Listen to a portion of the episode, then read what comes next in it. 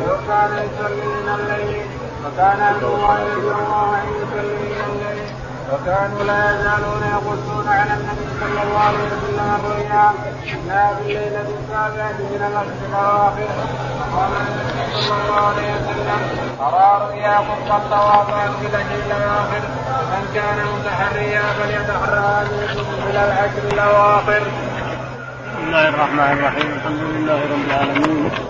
صلى الله على نبينا محمد وعلى آله وصحبه أجمعين. يقول الإمام الحافظ أبو عبد الله البخاري رحمه الله في صحيحه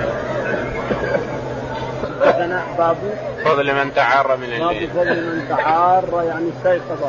من استيقظ من الليل ثم ذكر الله ثم توضأ ثم صلى. كما مرنا أن الشيطان يأخذ ثلاث عقد تنحل واحدة ذكر الله.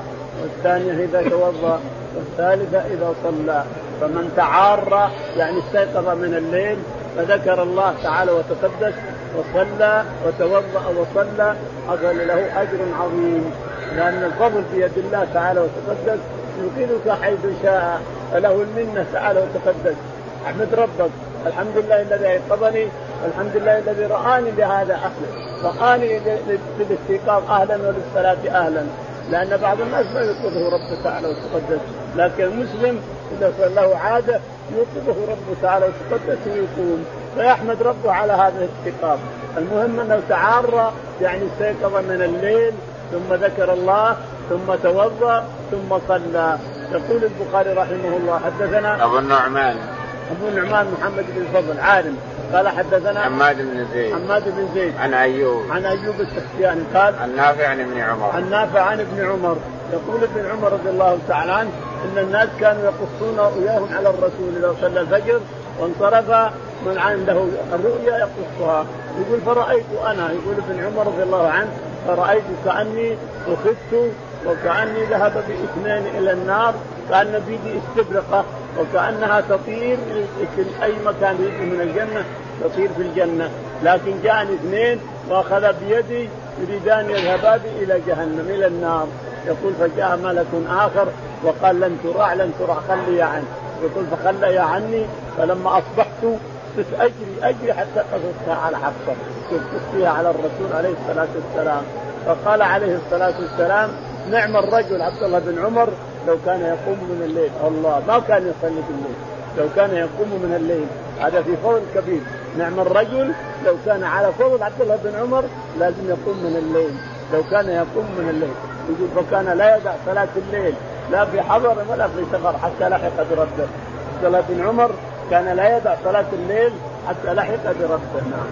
وكانوا لا يزالون يقصون على النبي صلى الله عليه وسلم الرؤيا أنها في الليلة السابعة من الأشهر الأواخر. يقول وكانوا لا يزال الصحابة رضي الله تعالى عنهم إذا انصرف من صلاة الفجر وأقبل عليهم كل من رأى رؤيا يقصها على الرسول عليه الصلاة والسلام فقال عليه الصلاة والسلام أرى رؤياكم قد تواطأت يعني في ليلة القدر أرى رؤياكم قد تواطأت في العشر الأواخر يعني إن ليلة القدر في العشر الأواخر من رمضان.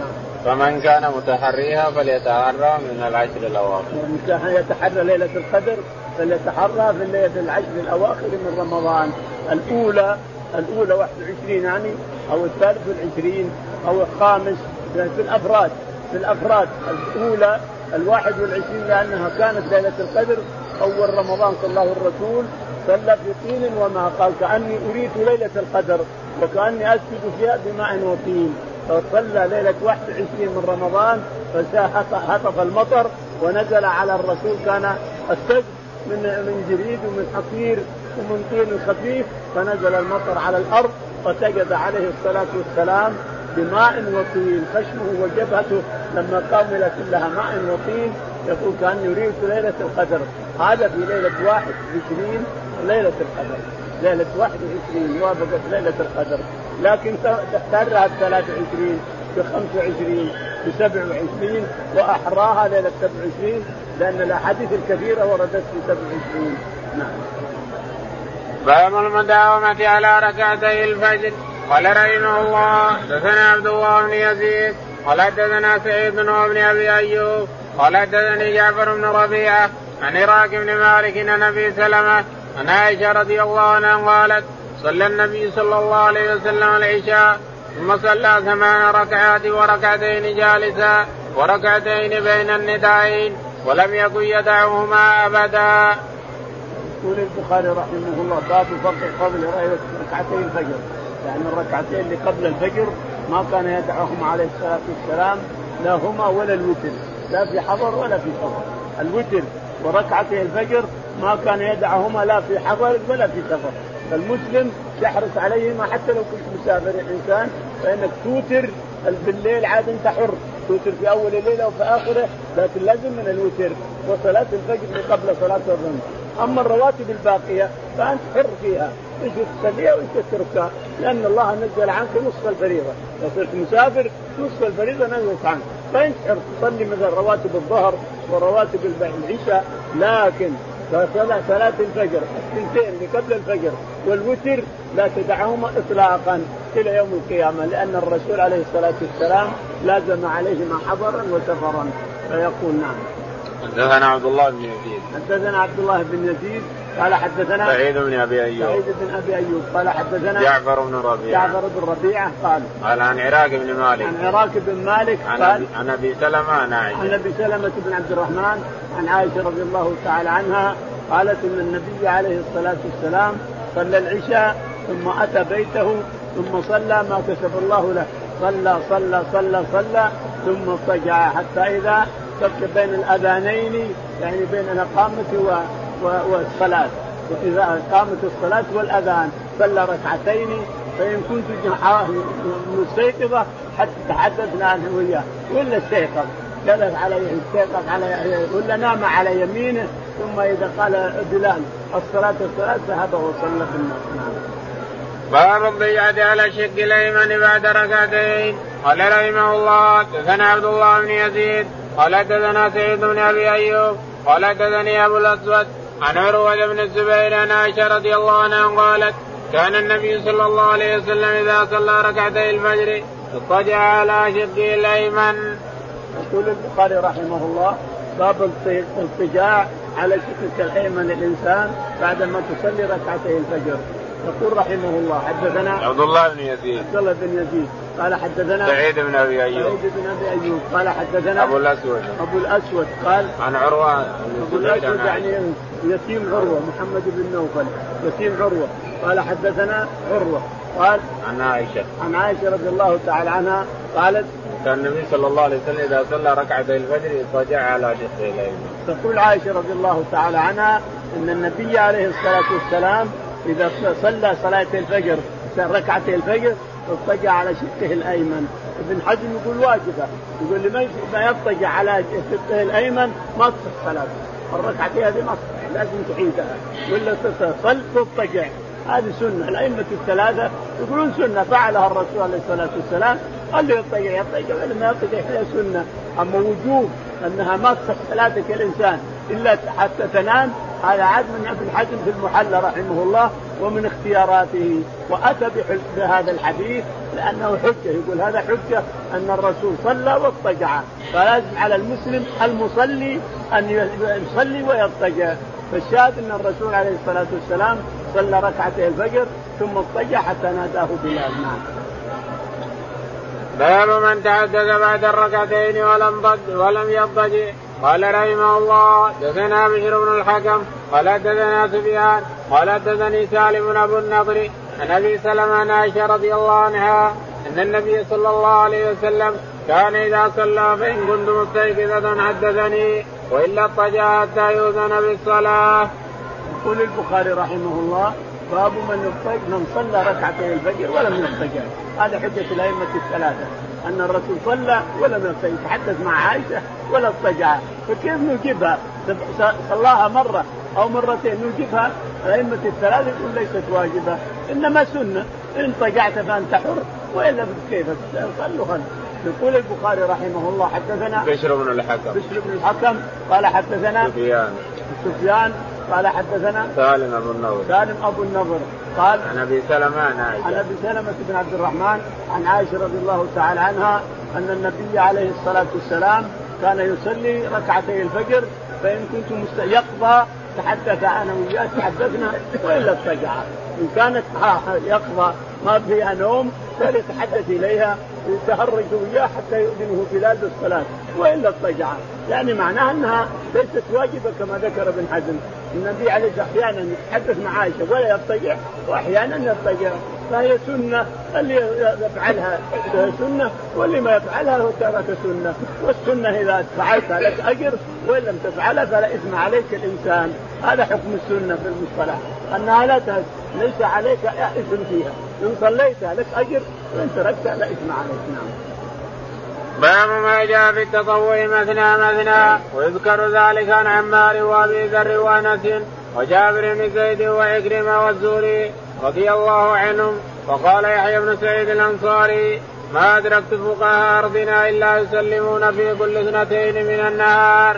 قال رحمه الله دثنا قتيبة قال دثنا عبد الرحمن بن أبي الموالي عن محمد بن المنكدر عن جابر بن عبد الله رضي الله عنهما قال كان رسول الله صلى الله عليه وسلم يعلمنا الاستخارة في الأمور كما يعلمنا السورة من القرآن يقول إذا أما أحدكم بالأمر فليركع ركعتين من غير الفريضة ثم ليقل اللهم إني أستخيرك بعلمك واستقدرك بقدرتك وأسألك من فضلك العظيم فإنك تقدر ولا أقدر وتعلم ولا أعلم وأنت علام الغيوب.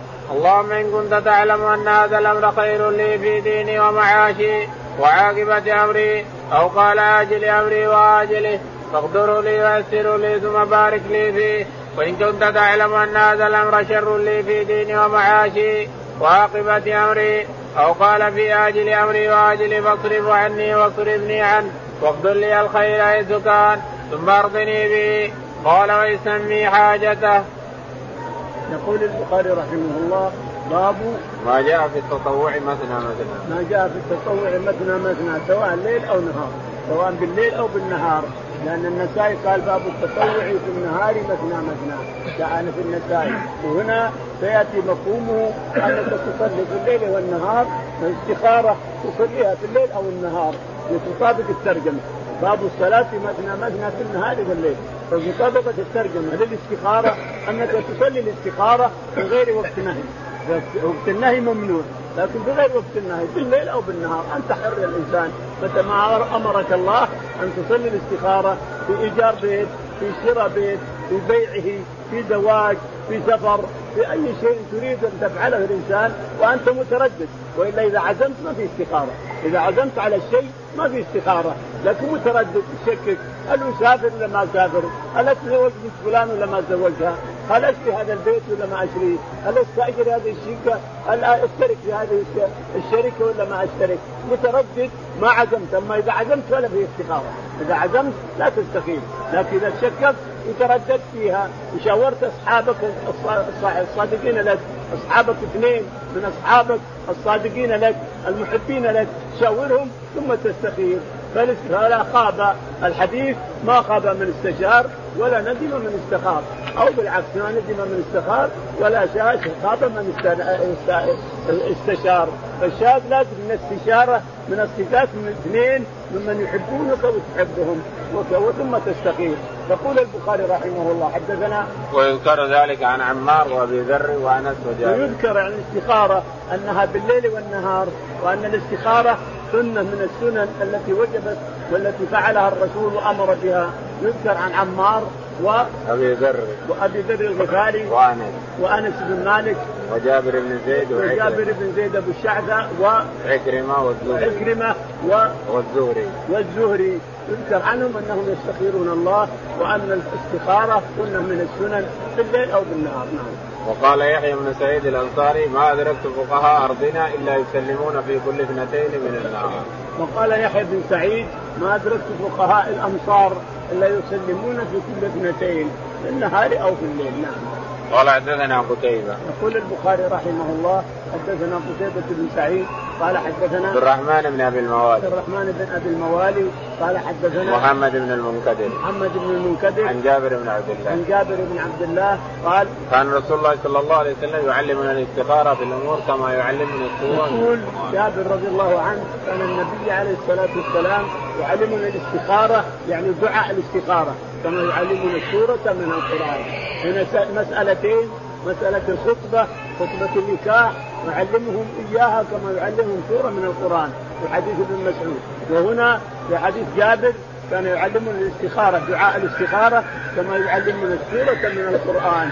والاستخارة نعم. اللهم إني أستخيرك بعلمك وأستغفرك. بفضلك اللهم إني استخيرك بعلمك. وقتها متى؟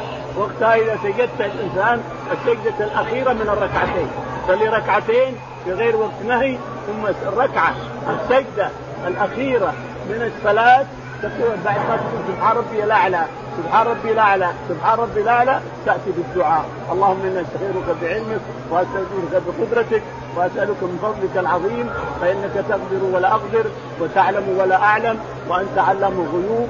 اللهم كنت تعلم أن هذا الزواج أو هذا الشراء البيت أو الإيجار أو السفر خير لي في ديني ودنياي ومعاشي وعاقبة أمري وعاجله وآجله فاقدره لي ثم يسره لي. وإن كنت تعلم أن هذا الأمر ويسميه بعينه شر لي في ديني ودنياي ومعاشي وعاقبة أمري وعاجله وآجله فاصرفني عنه واصرفه عني واغفر لي الخير حيث كان ثم رضني به. هذا بعد آخر سجدة تسجدها من ثلاث الركعتين. هذه آخر سجدة. بعد ما تسبح ثلاث أو خمس تقول هذا الدعاء. ثم إذا سلمت تمد يديك إلى السماء ثم تذكر الاستخارة أيضا. وانظر ماذا يحدث. انظر ماذا يحدث بقلبك.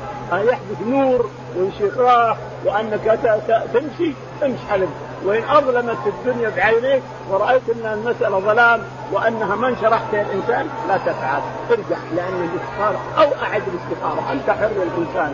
فالشاهد أن الاستخارة علمها الرسول عليه الصلاة والسلام الصحابة وتصلي الركعتين في غير وقت نهي في النهار أو في الليل. أنت حر. في أي وقت شئت في الليل أو النهار إلا وقت النهي لا نعم. قال رحمه الله دثنا المكي بن إبراهيم عن عبد الله بن سعيد عن عامر بن عبد الله بن الزبير عن عامر بن سليم الزرقي أنه سمع أبا قتادة بن ربيع الأنصاري رضي الله عنه قال قال النبي صلى الله عليه وسلم إذا دخل أحدكم المسجد فلا يجلس حتى يصلي ركعتين. يقول البخاري رحمه الله باب تابع للباب. تابع حدثنا المكي بن إبراهيم. المكي بن إبراهيم. قال حدثنا عبد الله بن سعيد. عبد الله بن سعيد. قال حدثنا عامر بن عبد الله. عامر بن عبد الله. قال حدثنا عمرو بن سليم الزرقي. عمرو بن سليم الزرقي. عن أبي قتادة الأنصاري. عن أبي قتادة الأنصاري رضي الله تعالى عنه أن النبي عليه الصلاة والسلام قال إذا دخل أحدكم المسجد فلا يجلس حتى يصلي ركعتين. إذا دخل أحدكم المجلس المسجد فلا يجلس حتى يصلي ركعتين. لكن لو أن إنسان دخل الحرم هنا يقول أنا بطوف ما أنا جالس ما أنا جالس بطوف. فلا شك تحية الكعبة الطواف وتحية المسجد إذا أردت أن تجلس تحية المسجد ركعتين. فلا يمكن أن تجلس في المسجد دخلته إلا تصلي ركعتين. لكن هل إذا وجبت إذا كان باقي على المغرب خمس عشر دقائق وعلى الظهر خمس عشر دقائق وعلى المغرب عشر أصلي تقول لا ما تصلي لأن هذا وقت نهي وقت النهي لا يمكن أن يصلى فيه حتى ولو دخلت المسجد لأن عقبة بن عامر الجهني ذكر ثلاث ساعات نهانا رسول الله عليه الصلاة والسلام أن نصلي فيهن أو أن نقبر فيهن موتانا كل حديث وعارف هذا الحديث موقوف عمله. فالشاهد اذا دخلت وقت نهي فلا تصلي. أما أن تقف حتى تغرب الشمس أو بعد تصبر سبيل أو دخلت الحرم تروح تطوف الإنسان. والشاهد ثلاث ساعات. نهانا رسول الله عليه الصلاة والسلام أن نصلي فيهن أو أن نقبر فيهن موتانا. حين تطلع الشمس إلى عشر دقائق. حين توقف إلى عشر دقائق. حين تغير الغروب إلى عشر دقائق. وغيرها صل ما شئت الإنسان. وكل حديث يعرف هذا موقوف عمله لأن عمرو بن عبس رضي الله تعالى عنه قال للرسول عليه الصلاة والسلام أتاه وهو بمكه قبل أن يهاجر. يا رسول الله كيف أصلي؟ قال صل الصلوات كلها ما عدا هذه الصلاة. إذا بغيت تطلع إذا طلعت الشمس عشر دقائق فلا تصلي لأنها تطلع بين قرن انظر العلة. تطلع بين قرني شيطان والمشركون يسجدون لها. إذا المسألة أن نخالف اليهود نخالف المشركين نخالف ما يفعله المشركون حتى في الصلاه ما نصلي لأن خلاف المشركين. إذا طلعت عشر دقائق فحتى ترتفع عشر دقائق لا تصلي لأن الشيطان يطلع ويسجد له المشركون. وهنا تسجر جهنم ويسجر نيرانهم ويسجدون لها. وهنا الغروب كذلك. تغرب بين قرني شيطان وحينئذ يسجد لها الكفار. فبين عمرو بن عبس رضي الله عنه العلة ما دام الحديث بينت علته وتحريمه فهو يوقف عمل كل حديث ياتي حديث جبير بن مطعم يا بني عبد مناف لا تمنع احدا طلب بهذا البيت موقوف عمله. حديث أبي قتادة موقوف عمله. حديث بلال موقوف عمله. إلى آخره. قال رحمه الله دنا عبد الله بن يوسف قال أخبرنا مالك بن إسحاق بن عبد الله بن أبي طلحة عن أنس بن مالك رضي الله عنه قال صلى لنا رسول الله صلى الله عليه وسلم ركعتين ثم انصرف.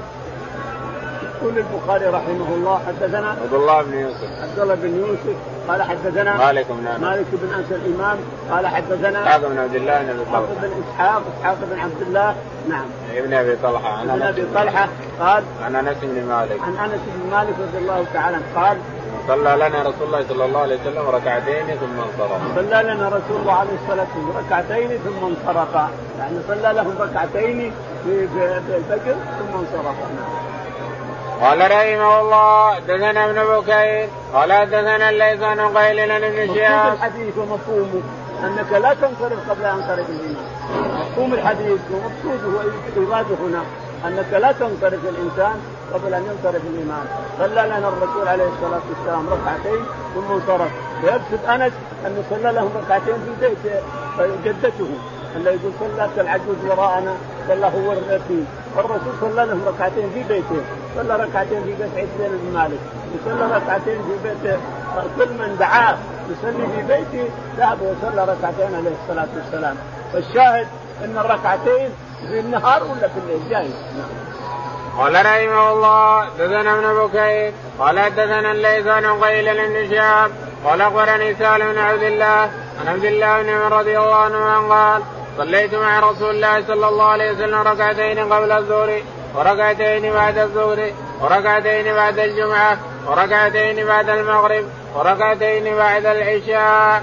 يقول البخاري رحمه الله حدثنا يحيى بن بكير. يحيى بن بكير قال حدثنا الليث بن سعد. الليث بن سعد قال حدثنا عقيل بن خالد. عقيل بن خالد عن ابن شهاب. عن ابن شهاب الزهري عن سالم بن عبد الله. عن سالم بن عبد الله سالم بن عبد الله نعم. عن أبي عبد الله بن عمر. عن أبي عبد الله بن عمر رضي الله تعالى عنهما قال صليت مع رسول الله صلى الله عليه وسلم ركعتين قبل الظهر وركعتين. ابن عمر يعدد لنا الرواتب اللي هي بالمنزلة بعد الفرائض منزلتها بعد الفرائض يعني راتبة عليك الإنسان يعني قريبة من الوجوب لكن ما أوجبها الرسول إلا إنها رواتب عن تلي الفرائض.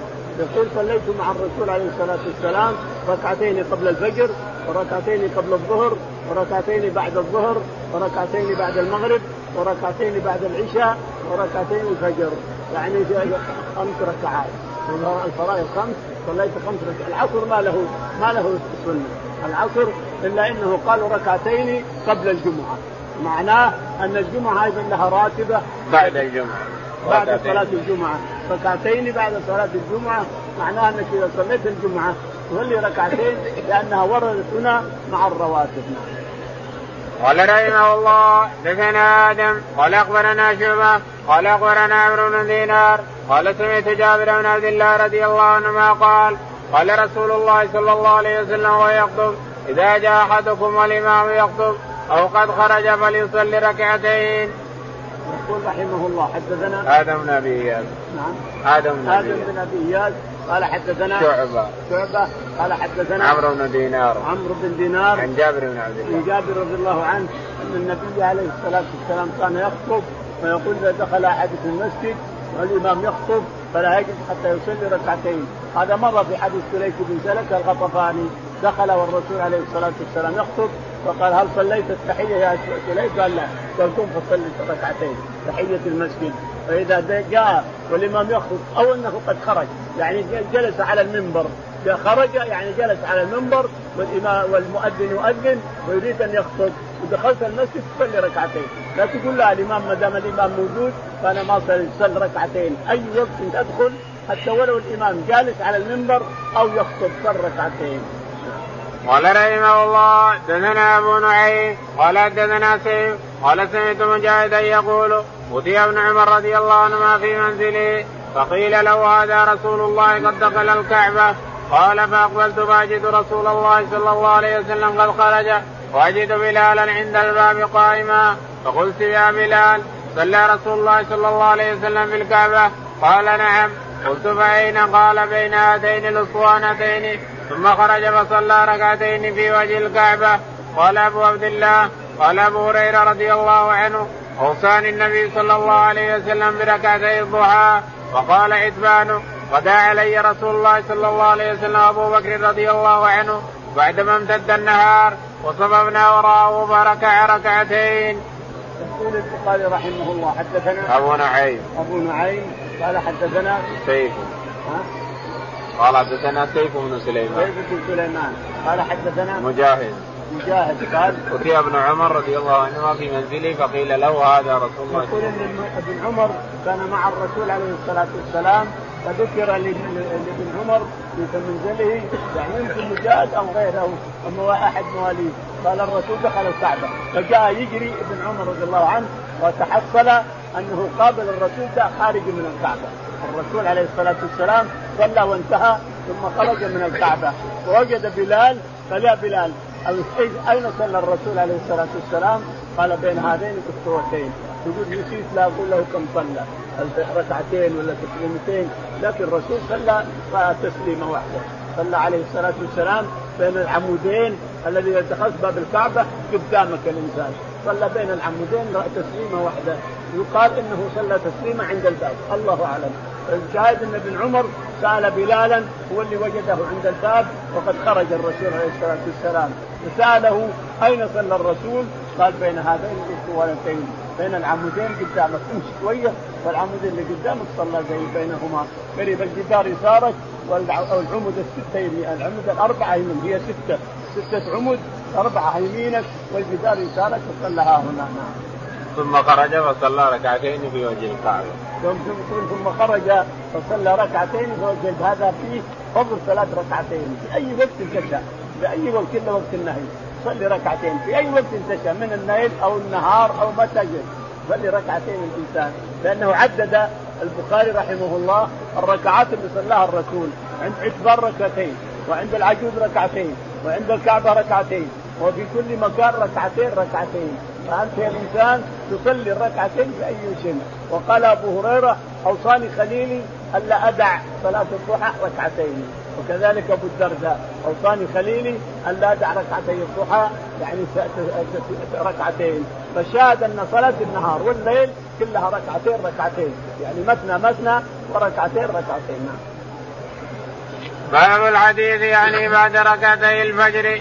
قال رحمه الله دثنا علي بن عبد الله قال دثنا سفيان قال قال أبو النضي حدثني أبي عن أبي سلمة عن عائشة رضي الله عنها أن النبي صلى الله عليه وسلم كان يصلي ركعتين فإن كنت مستيقظة حدثني وإلا اضطجع.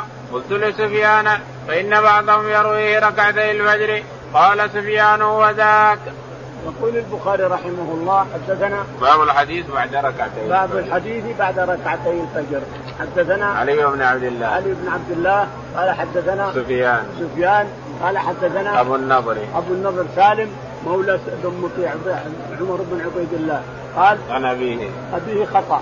ابي هنا امسحوها لأنه غلط. ما, ما له ابو ما يعرف أبوه. مملوك. مملوك ما يعرف له أبوه. سالم مولى أبي النضر ما يعرف له أبوه. مملوك. فالابي هنا جاءت خطأ. غلط. من احد الرواة أو إنه من المطابع. هو خطأ. هو مملوك ما يعرف له ابوه مالك سالم هو سالم مولى عمر بن أبي مطيع عمر بن عبيد الله. فليس له أبو ولا يعرف له ابوه فلفظة أبي هنا غلط.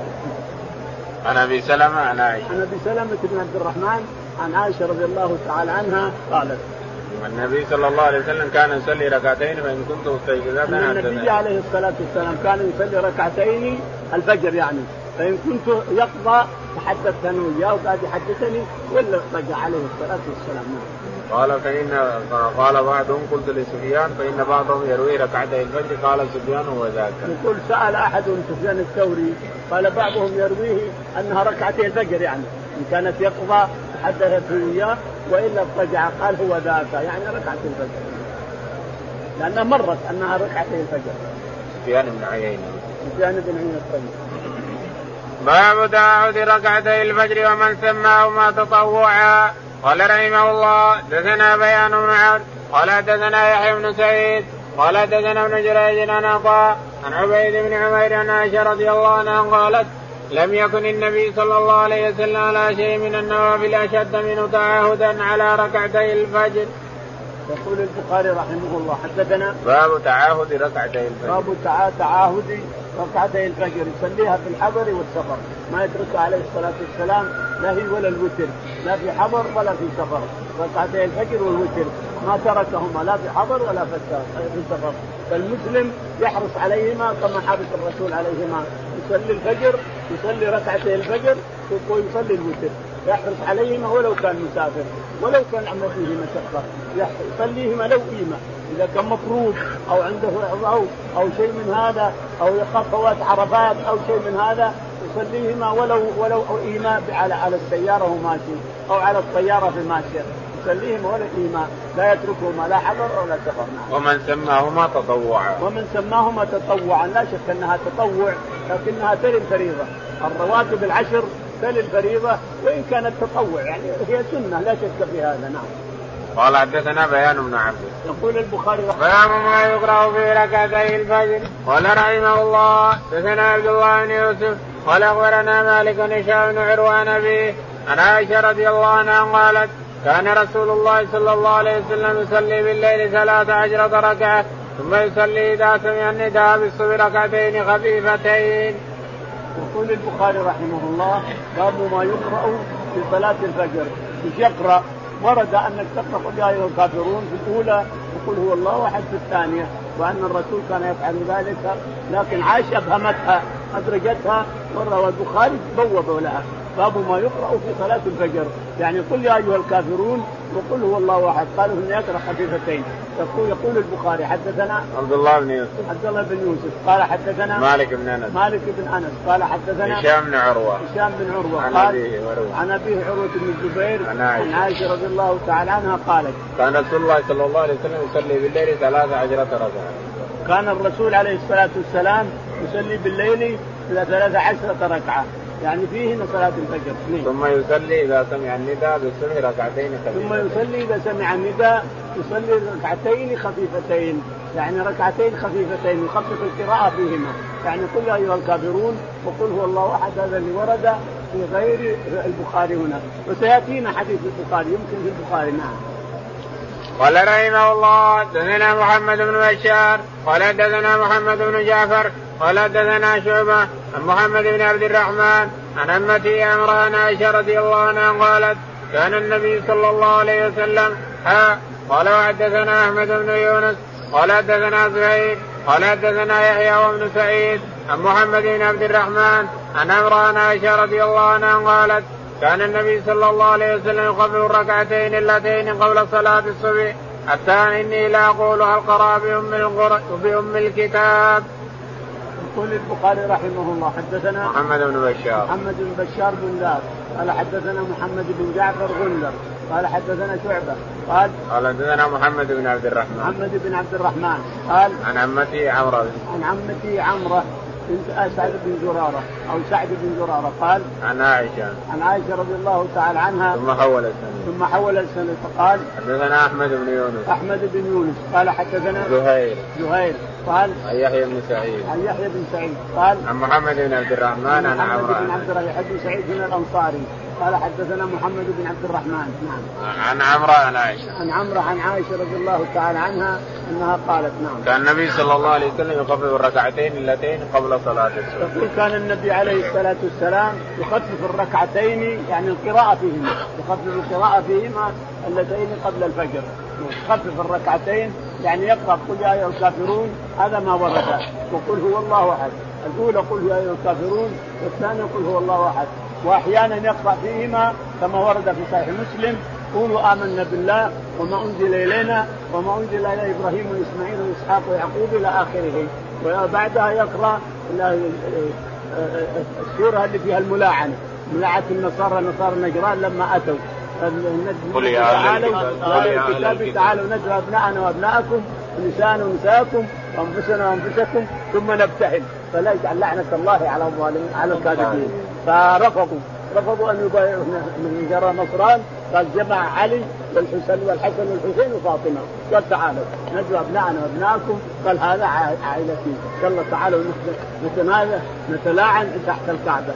فرفضوا رفضوا. قالوا كان نبي. وتلاعنتم والله لا تزال لعنة في اباء أبنائكم وأبناء أبنائكم. فرفضوا أن يلاعنوه وذهبوا إلى بلادهم بلا لعان. الشاهد آية الملاعنة. كان يقرأ أحيانا الفجر. يقول يقول آمنا بالله وما أنزل إلينا وما أنزل إلى إبراهيم وإسماعيل وإسحاق ويعقوب والأسباط وما أوتي موسى وعيسى وما أوتي النبيون من ربهم وما أوتي النبيون من ربهم. ولا نفرق بين أحد منهم ونحن له مسلمون. فإن آمنوا بمثل ما آمنتم به فقد اهتدوا. وإن تولوا فقل حسبي الله لا إله إلا هو عليه توكلت وهو رب وهو رب العرش العظيم. إلى آخر السورة. صبغه الله صبغه الله يعني دين الله. إلى اخره. باب التطوع بعد المكتوبة. قال رحمه الله دثنا مسدد. قال دثنا يحيى بن سعيد. عن عبيد الله قال أخبرنا نافع بن عمر رضي الله عنه قال صليت مع النبي صلى الله عليه وسلم سجدتين قبل الظهر وسجدتين بعد الظهر وسجدتين بعد المغرب وسجدتين بعد العشاء وسجدتين بعد الجمعة فأما المغرب والعشاء ففي بيته.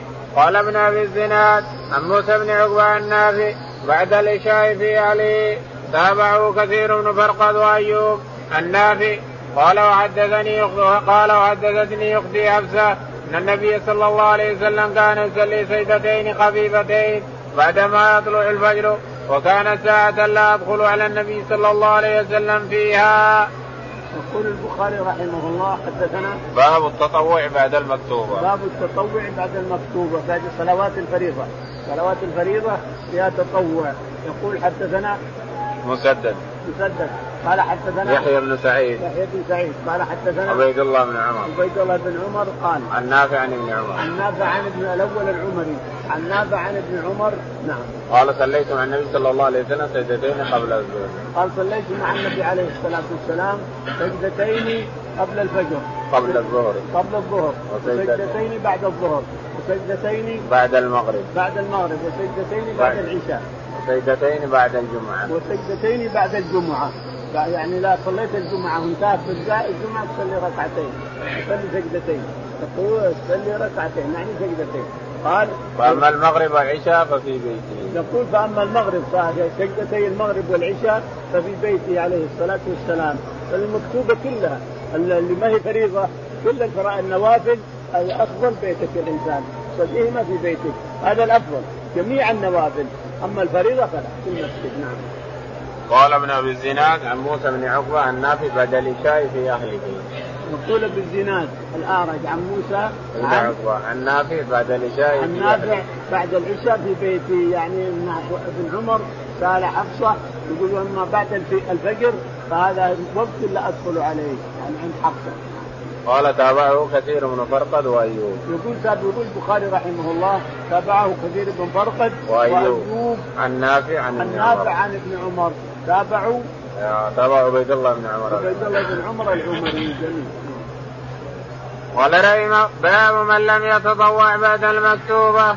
قال رحمه الله دثنا علي بن عبد الله قال دثنا سفيان عن عمرو قال سمعت أبا الشعثاء جابرا قال سمعت ابن عباس رضي الله عنهما قال صليت مع رسول الله صلى الله عليه وسلم ثمانيا جميعا وسبعا وسبعا جميعا. قلت يا ابا الشعثاء أظن وقر الظهر وعجل العصر وعجل العشاء. وقر المغرب.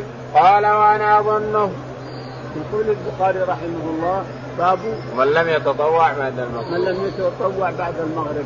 حدثنا بعد المكتوبة. بعد بعد الصلاة المكتوبة. يعني أن التطوعات بعد المكتوبة تركها في هذه الصلاة التي وصفها لنا. يقول حدثنا علي بن عبد الله. علي بن عبد الله المديني. قال قال حدثنا سفيان بن عيينة. حدثنا سفيان بن عيينة. قال عن عمرو بن دينار. عن عمرو بن دينار. قال عن جابر بن زيد أبو عن الشعثاء. جابر بن الشعثاء. جابر بن زيد أبو الشعثاء. قال قال سمعت ابن عباس رضي الله عنه قال صليت مع رسول الله صلى الله عليه وسلم ثمانية جميعا. يقول ابن عباس أبو الشعثاء من تلاميذ ابن عباس. يقول سمعت ابن عباس رضي الله عنه يقول صليت مع الرسول عليه الصلاة والسلام سبعا في المدينة وثمانيا. صليت سبعا يعني الظهر والعصر المغرب والعشاء. وثمانيا يعني العصر والظهر. بدون بدون مرض وبدون هذا ولا شيء. في المدينة. آمن ما كان. فقيل ما ماذا ترى؟ قال لا أدري. لأنه أراد أن لا يحرج أمته. هذا تعليل ابن عباس. ولا ما يدري. الرسول صلى سبعا. يعني المغرب والعشاء. جمعا. جمعها جمع. وصلى أيضا الظهر والعصر جمع. ثمان صلاهما بالمدينة. آمن ما كان. فما فما الحكمه في هذا؟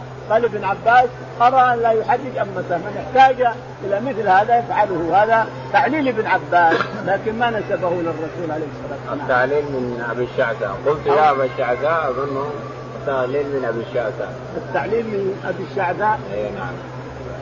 قال يقول عمرو بن دينار قلت يا أبا الشعثاء أظن اخر الظهر وعجل العصر وعجل العشاء واخر المغرب قال وأنا اظنه إيه لكن ليش اللي حرج ابن عباس يقول لا اللي حرج امته باب صلاة الضحى في السفر. قال رحمه الله دثنا مسدد. قال دثنا يحيى عن شعبة عن توبة مورق قال قلت لابن عمر رضي الله عنهما أتصلي الضحى؟ قال لا.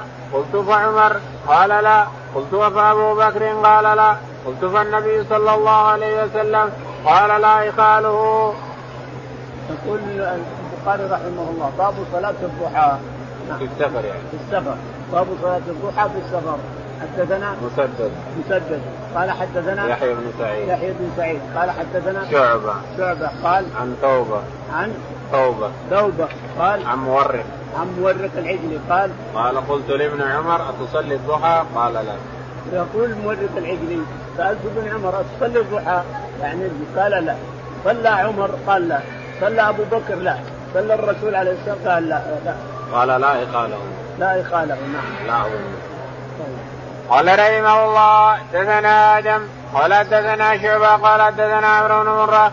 قال سمعت عبد الرحمن بن أبي ليلى يقول ما حدثنا أحد انه راى النبي صلى الله عليه وسلم يصلي الدعاء خير مهان فإنها قالت إن النبي صلى الله عليه وسلم دخل بيتها يوم فتح مكه فاغتسل وصلى ثمان ركعات فلم ارى صلاة قد وقف منها غير أنه يتم الركوع والسجود.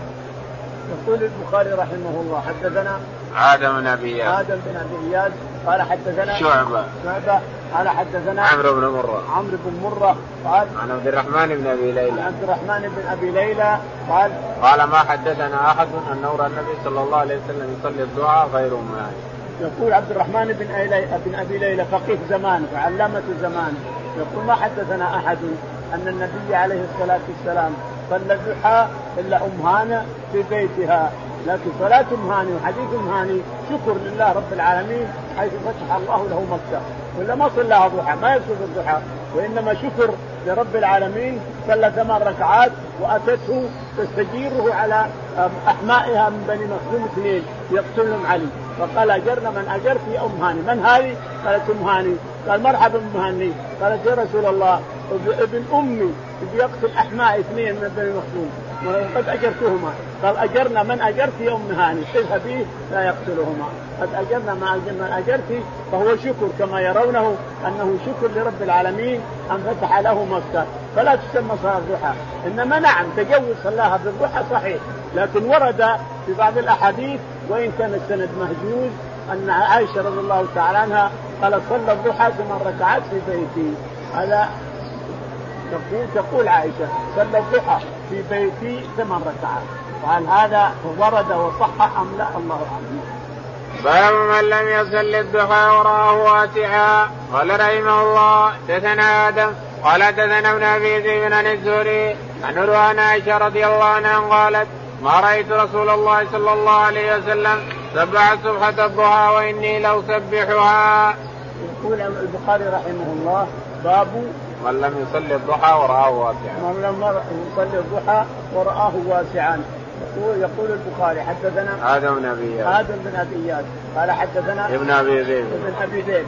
قال عن الزهري. عن الزهري. عن عروة عن عائشة. عن عروة عن عائشة تقول ما رأيت الرسول عليه الصلاة والسلام صلى الضحى ولكن يصليها يعني هي تصليها ولو ما رأت الرسول يصليها.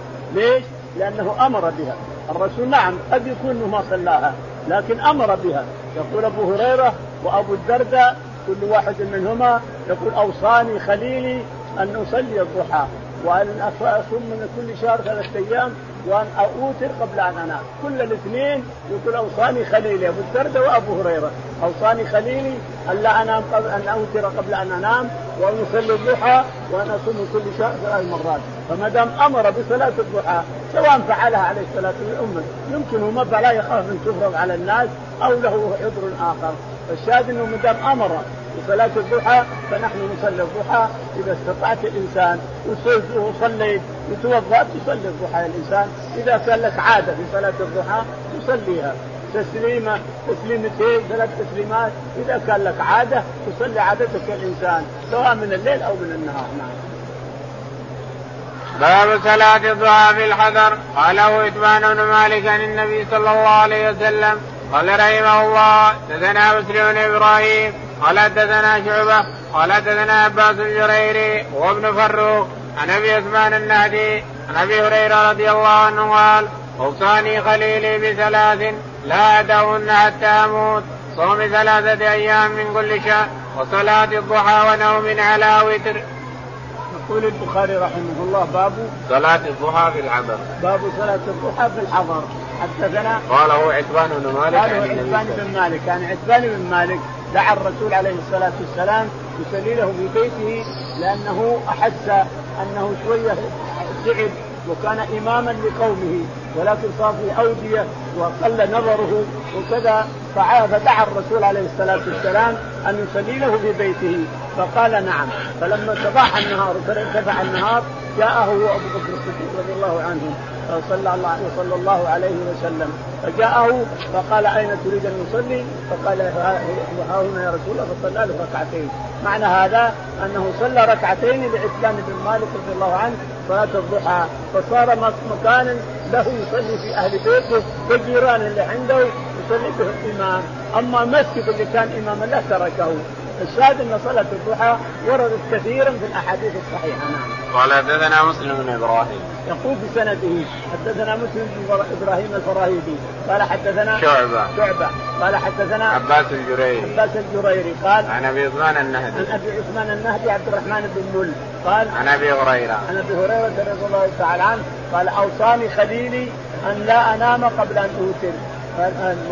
وأن أصلي الضحى وأن أصوم ثلاثة أيام من كل شهر. قال رحمه الله دثنا علي بن الجعد قال أخبرنا شعبة عن أنس بن سيرين قال سمعت أنس بن مالك الأنصاري رضي الله عنه قال قال رجل من الأنصار وكان ضخما للنبي صلى الله عليه وسلم إني لا أستطيع الصلاة معك. فصنع للنبي صلى الله عليه وسلم طعاما فدعاه إلى بيته ورفع له طرف عصير بماء فصلى عليه ركعتين. وقال فلان بن فلان بن جارود. لانس رضي الله عنه. فكان النبي صلى الله عليه وسلم يصلي الدعاء. فقال ما رايته صلى غير ذلك اليوم. يقول البخاري رحمه الله حدثنا علي بن الجعد علي بن الجعد قال حدثنا شعبة. شعبة قال عن أنس بن سيرين. عن أنس بن سيرين مولى أنس بن مالك. قال حدثنا أنس بن مالك قال قال رجل قال رجل من الأنصار وكان ضخما للنبي صلى الله عليه وسلم. إني لا أستطيع الصلاة معك. يقول انس رضي الله عنه إن رجلا من الأنصار كان ضخما وقال له يا رسول الله لا أستطيع أن أجي إلى مسجدك أصلي معك. فتعال صل لي في بيتي وصلي في بيتي. فذهب إليه عليه الصلاة والسلام وصلى له ركعتين في بيته. سئل أنس هل صلى الرسول غيره؟ قال لا ما صلى الضحى إلا هذا اليوم. بيت الرجل ولعله عتبان لعله يقصد عتبان الرجل ما سماه. لعله عتبان لأن مهما ما ذكر ما ذكر أنه ذهب إلى آخر. إلا آه واحد يجوز أنه يسمين هذا أو غيره. يجوز أنه قال في التعليق عبد عبد الحميد بن المنذر قال في التعليق. اسمه عبد الحميد بن المنذر غير عتبان أيوه. عبد الحميد بن المنذر جاهز يقول الأخ من اسمه عبد الحميد ابن المنذر السمين هذا الذي دعا الرسول عليه الصلاة والسلام وصلى له ركعتين الضحى وعتبان بن مالك صلى له ركعتين الضحى فمعناه أنه تكررت صلاه الضحى لهذا ولهذا. نعم. باب الركعتان قبل الظهر. باب الركعتان قبل الظهر. قال رحمه الله دثنا سليمان بن حرب قال دثنا حماد بن زيد عن أيوب النافع عن ابن عمر رضي الله عنهما قال حفظت من النبي صلى الله عليه وسلم عشر ركعات ركعتين قبل الظهر وركعتين بعدها وركعتين بعد المغرب في بيته وركعتين بعد العشاء في بيته وركعتين قبل صلاة وركعتين قبل صلاة الصبح. كانت ساعة لا يدخل على النبي صلى الله عليه وسلم فيها حدثتني حفصة أنه كان إذا أذن المؤذن وطلع الفجر صلى ركعتين.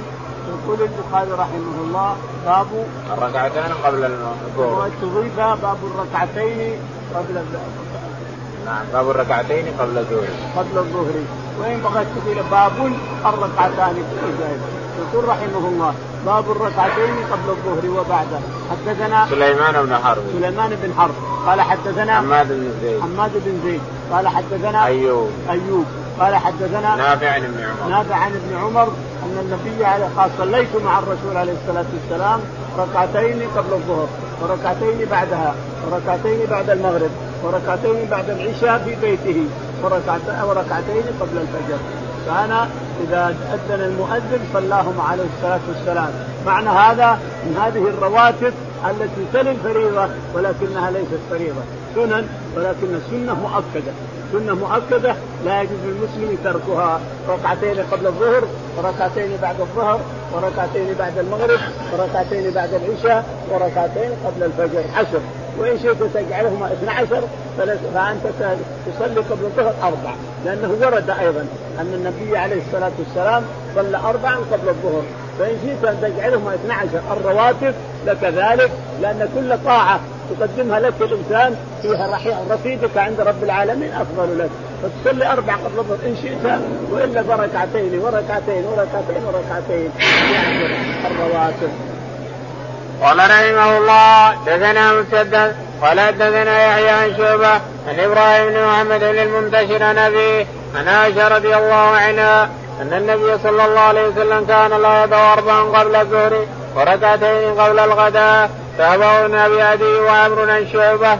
يقول البخاري رحمه الله حدثنا مسدد مسدد قال حدثنا يحيى بن سعيد يحيى بن سعيد قال عن شعبة. عن شعبة. عن إبراهيم بن محمد. عن إبراهيم بن محمد. عن أبيه. عن أبيه محمد التيمي. قال عن عائشة. عن عائشة رضي الله تعالى عنها أن النبي قالت أن النبي عليه الصلاة والسلام كان لا يدعو أربعا قبل الظهر. لا يدعو أربعا قبل الظهر. يعني تصلي أربع يصير 12 الرواتب. يصير 12 تجعلها في رصيدك الإنسان. لا يدعو أربعا قبل الظهر. وركعتين بعد الظهر وركعتين بعد المغرب وركعتين بعد العشاء وركعتين قبل الفجر. هذه 12 ركعة. تجعلهم في رسولك الإنسان مع الفرائض. كم يصيرون قرابه 17 ركعة أو أو 40 ركعة مع هؤلاء وهؤلاء. وهذا فضل من الله تعالى وتقدس الإنسان يجعل 40 ركعة كل يوم وليلة رصيده يسجل له عند رب العالمين. والله أعلم. اللهم اهدنا فيمن هديت وعافنا فيمن عافيت وتولنا فيمن توليت. اللهم توفنا مسلمين وألحقنا بالصالحين وطبعا صلى على محمد وعلى آله وصحبه وسلم تسليما.